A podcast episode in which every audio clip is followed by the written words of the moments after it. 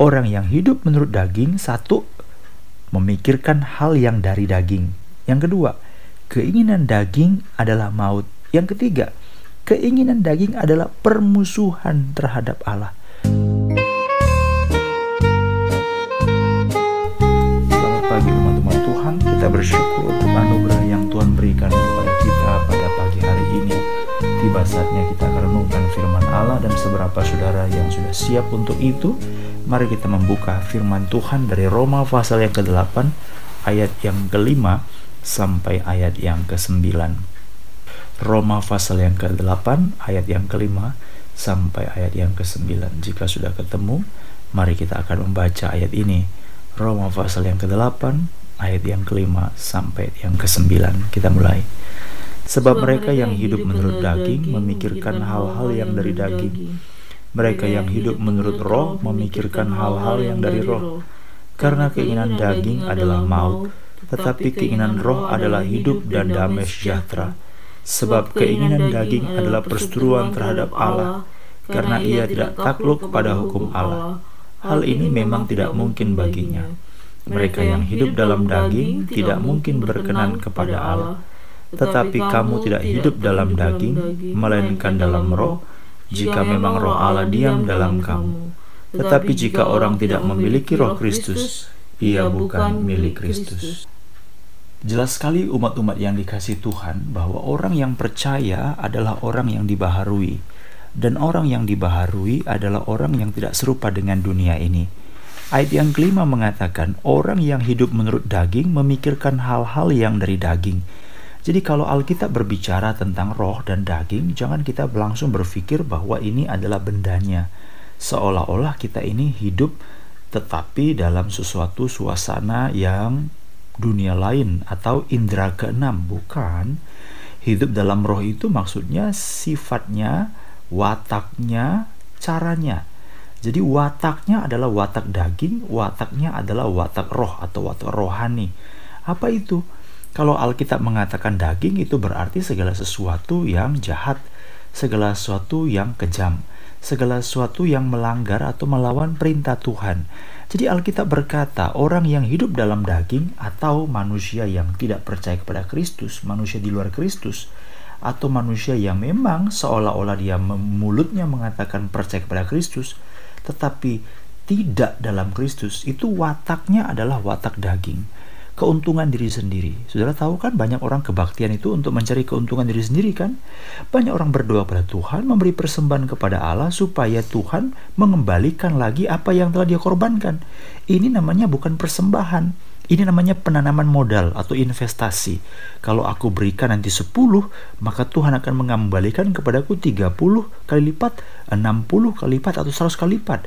Jadi kalau aku berikan kepada Tuhan 1 juta, nanti aku akan mendapatkan 10 juta. Ini kan suatu konsep yang disebut namanya investasi kan. Bukan persembahan tapi penanaman modal supaya nanti modalnya kembali. Jadi banyak orang sebenarnya hidup memberi persembahan beribadah kepada Tuhan itu sebenarnya bukan karena cinta Tuhan. Nah Alkitab mengatakan inilah yang disebut dengan orang daging, manusia daging. Mungkin dia orang Kristen, mungkin dia dalam gereja, mungkin dia pelayanan, mungkin dia adalah kita sendiri orang seperti itu. Saudara memeriksa, jauh ke kedalaman batinmu. Alkitab berkata, sebab mereka yang hidup menurut daging memikirkan hal-hal yang dari daging. Jadi kalau saudara betul-betul adalah orang yang percaya kepada Tuhan, coba saudara pelik, periksa atau perlihat hidupmu sendiri. Outputnya apa? Outputnya apa? Apa sih yang saudara pikirkan? Apa sih yang saudara harapkan? Apa sih yang saudara perjuangkan? Apa sih yang menjadi kecintaanmu? Apa sih yang menjadi preferensimu? Apa sih yang menguasai hatimu? Apa sih yang menjadi your delight? Apakah yang menjadi kesukaanmu? Apakah saudara senang kalau misalnya engkau dipuji dalam gereja? Engkau senang kalau misalnya engkau itu di gereja di bagaimana? Apa yang menjadi kesukaanmu? Apakah engkau suka kalau orang mengenal Kristus? Apakah engkau suka kalau orang lain itu betul-betul bertumbuh dalam iman? Apakah suka engkau itu juga membicarakan firman Allah? Apakah suka? Apakah suka apa yang menjadi kesukaanmu? Dari melihat output itu, dari melihat hal yang kita suka, hal yang kita rindukan, kita tahu, kita tahu jenis manusia apakah kita? Manusia rohani atau manusia daging? Ayat 5 berkata, sebab mereka yang hidup menurut daging memikirkan hal yang dari daging. Atau saya balik pertanyaannya, orang yang memikirkan hal-hal yang dari daging adalah orang yang hidup menurut daging. Ini berbeda dengan orang yang dalam roh. Yang kedua, ayat yang keenam dikatakan, keinginan daging adalah maut. Keinginan daging adalah maut. Jadi keinginan daging itu menghasilkan ujungnya adalah kematian. Saudara-saudara kalau berbicara kepada maut itu berbicara sesuatu yang tidak kekal. Jadi saudara-saudara kalau kita menginginkan sesuatu, tanya, apakah yang saya inginkan itu akan berujung pada kekekalan atau berujung pada kebinasaan? Alkitab mengatakan keinginan daging itu adalah maut. Jadi ini bukan saja berbicara tentang kematian kekal, ini bukan saja berbicara tentang sesuatu yang nanti saya itu akan apa namanya expire atau berakhir bukan tetapi maut yang dimaksud tentu saja juga adalah sesuatu yang membawa hidup saya kepada kecemaran jadi pada waktu saya menggelutinya makin saya cemar makin saya menjalankannya makin saya cemar Paulus sebenarnya mengatakan dalam Roma pasal yang ketujuh dia berkata bagaimana mungkin makin datang perintah itu makin aku mati ya kan makin aku laksanakan perintah itu, makin aku mati. Perintah itu, atau lebih tepatnya seperti ini, perintah itu yang seharusnya membawa kehidupan, justru mendatangkan kematian. Bagaimana mungkin? Padahal perintah itu kudus. Nah, kematian ini yang disebut dengan maut. Berarti perintah itu saya jalankan dalam dosa. Itulah yang artinya bukan perintah itu yang salah, tetapi dosa itu semakin nyata mendatangkan kematian bagiku. Jadi banyak keinginan itu disebut keinginan daging.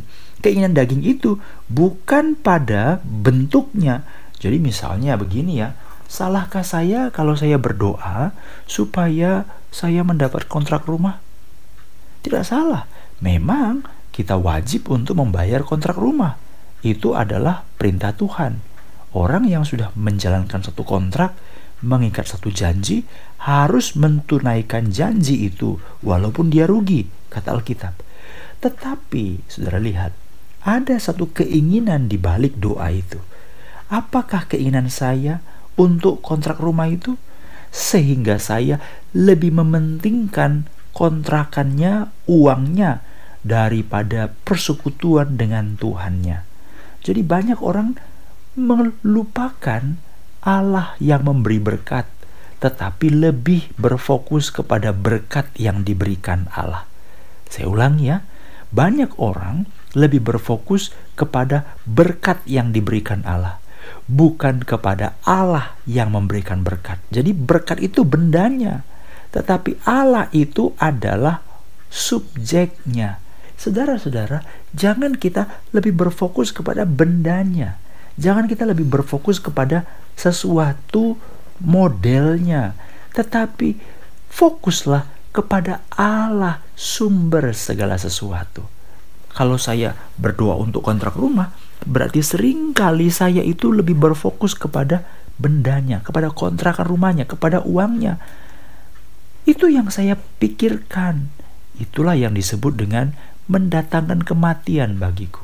Walaupun saya berdoa, tapi doa saya itu taunya aku, kata Tuhan kira-kira ya, taunya aku Berdoa kau sebenarnya bukan karena akunya. Berdoa kau bukan karena mengasihiku-nya. Berdoa kau bukan gara-gara engkau mau menjalankan firman-Ku-nya.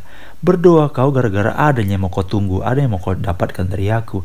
Kira-kira gitulah Tuhan ngomongnya. Jadi saudara-saudara dikasih Tuhan, Alkitab mengatakan keinginan daging itu adalah maut. Yang ketiga, ayat yang ketujuh.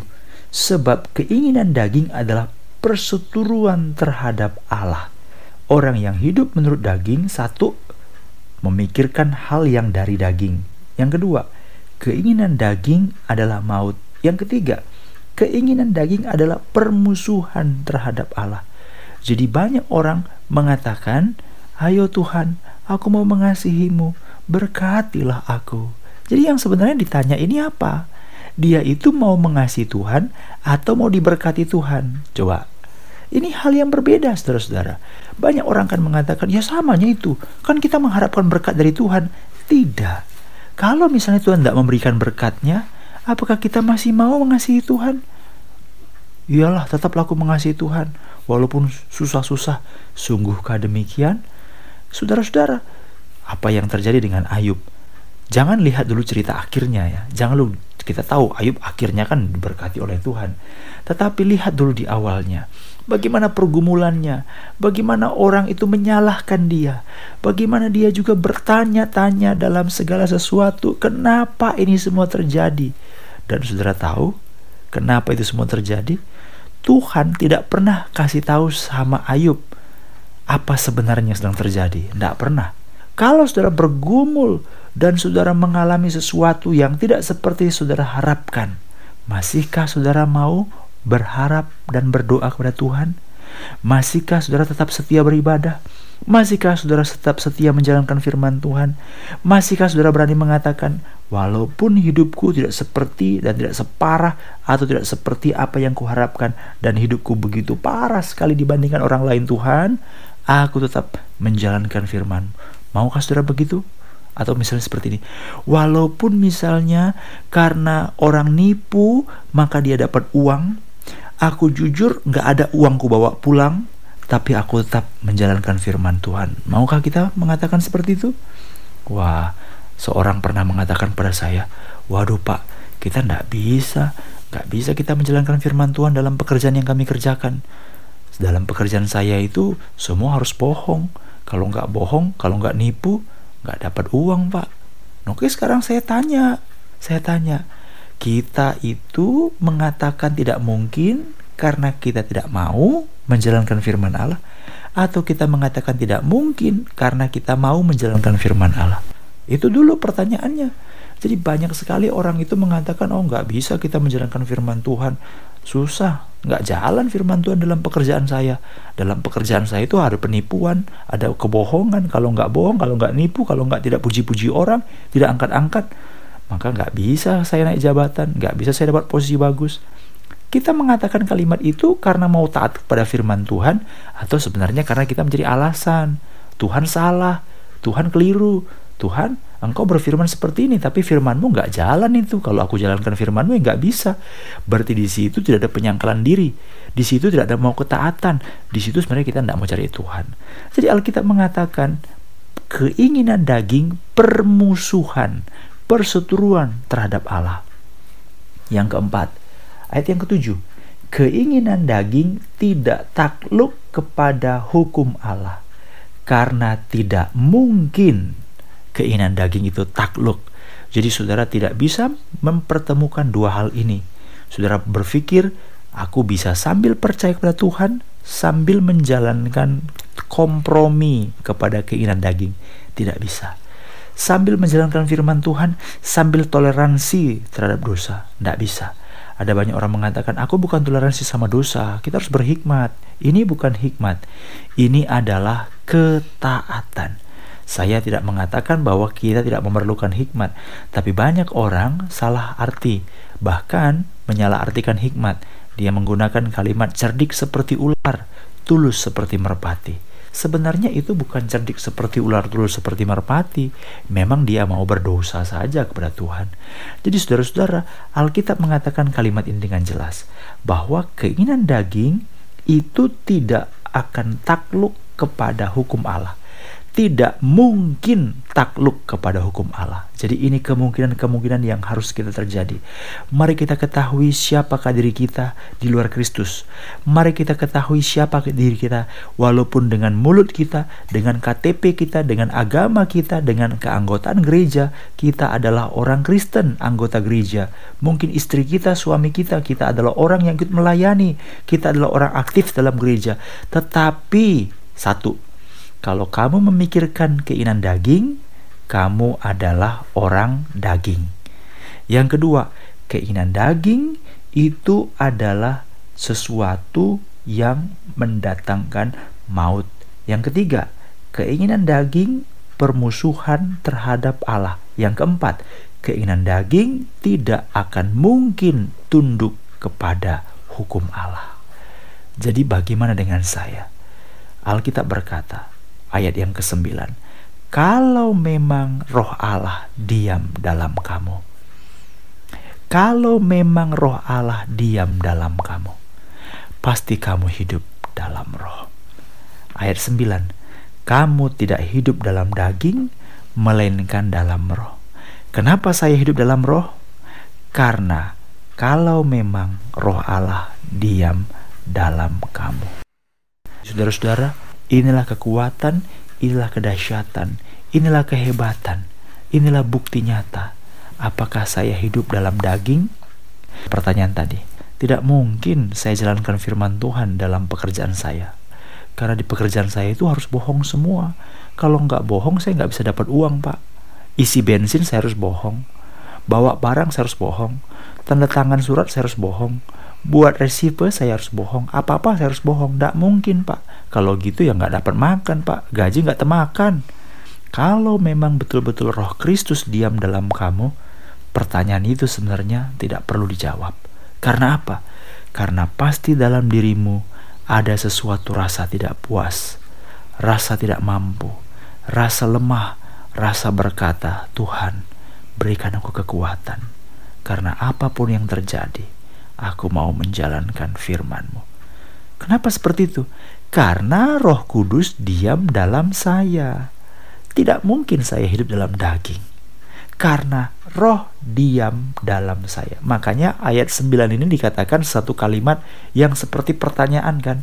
Dia tanya betul-betul, jika memang roh Allah diam dalam kamu.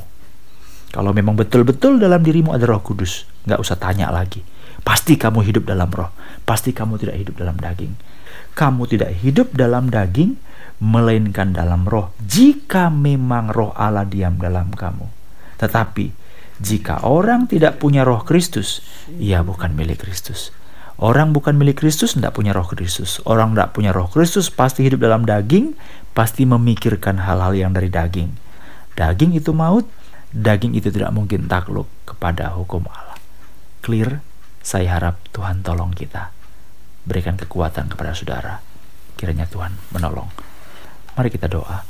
Tuhan Yesus Kristus kami memerlukan anugerahmu karena sungguh tidak mungkin kami dapat menyenangkan hati Allah sambil kami berjalan dalam dosa. Itu sebabnya tolong kami berikan kekuatan kepada umat-umatmu, mereka-mereka yang dalam pekerjaan, yang sehari-hari selalu berkata, tidak mungkin, tidak mungkin, kami jalankan firman Allah. Tapi kami bukan berkata tidak mungkin keinginan daging akan sekutu dengan roh, keinginan roh. Kami bukan bicara itu. Yang kami berkata adalah, kalau firmanmu telah engkau katakan, kami akan taati. Dan kalau kami katakan tidak mungkin kami taati, kami berdosa. Tapi kami tidak akan mengatakan tidak mungkin kami taati. Karena apa yang tidak mungkin bagi manusia, mungkin bagi Allah. Itu sebabnya kami bisa jalankan firman Walaupun kami susah, walaupun menjalankan firman-Mu tidak mudah, tapi tidak ada yang mungkin, tidak ada yang mustahil, tidak ada yang mustahil bagi Allah. Engkau sanggup memberikan kami kekuatan untuk jalankan firman-Mu. Kuatkanlah umat-umat-Mu hari ini ya Tuhan. Pimpinlah mereka. Kuatkan mereka. Mereka perlu jamahan tangan-Mu. Mereka perlu topangan tangan-Mu. Mereka perlu urulan tangan-Mu ya Tuhan. Kuatkan umat-umat-Mu. Mereka yang sakit, mereka yang butuh pengharapan, mereka yang perlu kekuatan untuk menjalani solusi kehidupan ini. Tuhan, berikanlah, berikanlah anugerahmu. Terima kasih buat pagi hari ini, dan biarlah umat-umatmu dipelihara dalam anugerah Allah yang ajaib. Dalam nama Tuhan, Yesus Kristus kami berdoa. Umat-umat Tuhan demikianlah anugerah surga bagimu. Turunlah anugerah dari Allah Bapa, cinta kasihnya Tuhan Yesus Kristus, persekutuan Roh Kudus menyertai menuntun memimpin hidupmu dari sekarang sampai Yesus datang kembali. Terima anugerah surga, berjalan dalam firman-Nya dan penuh pengharapan dalam nama Tuhan Yesus Kristus. Haleluya. Amin. Selamat pagi bagi saudara semuanya.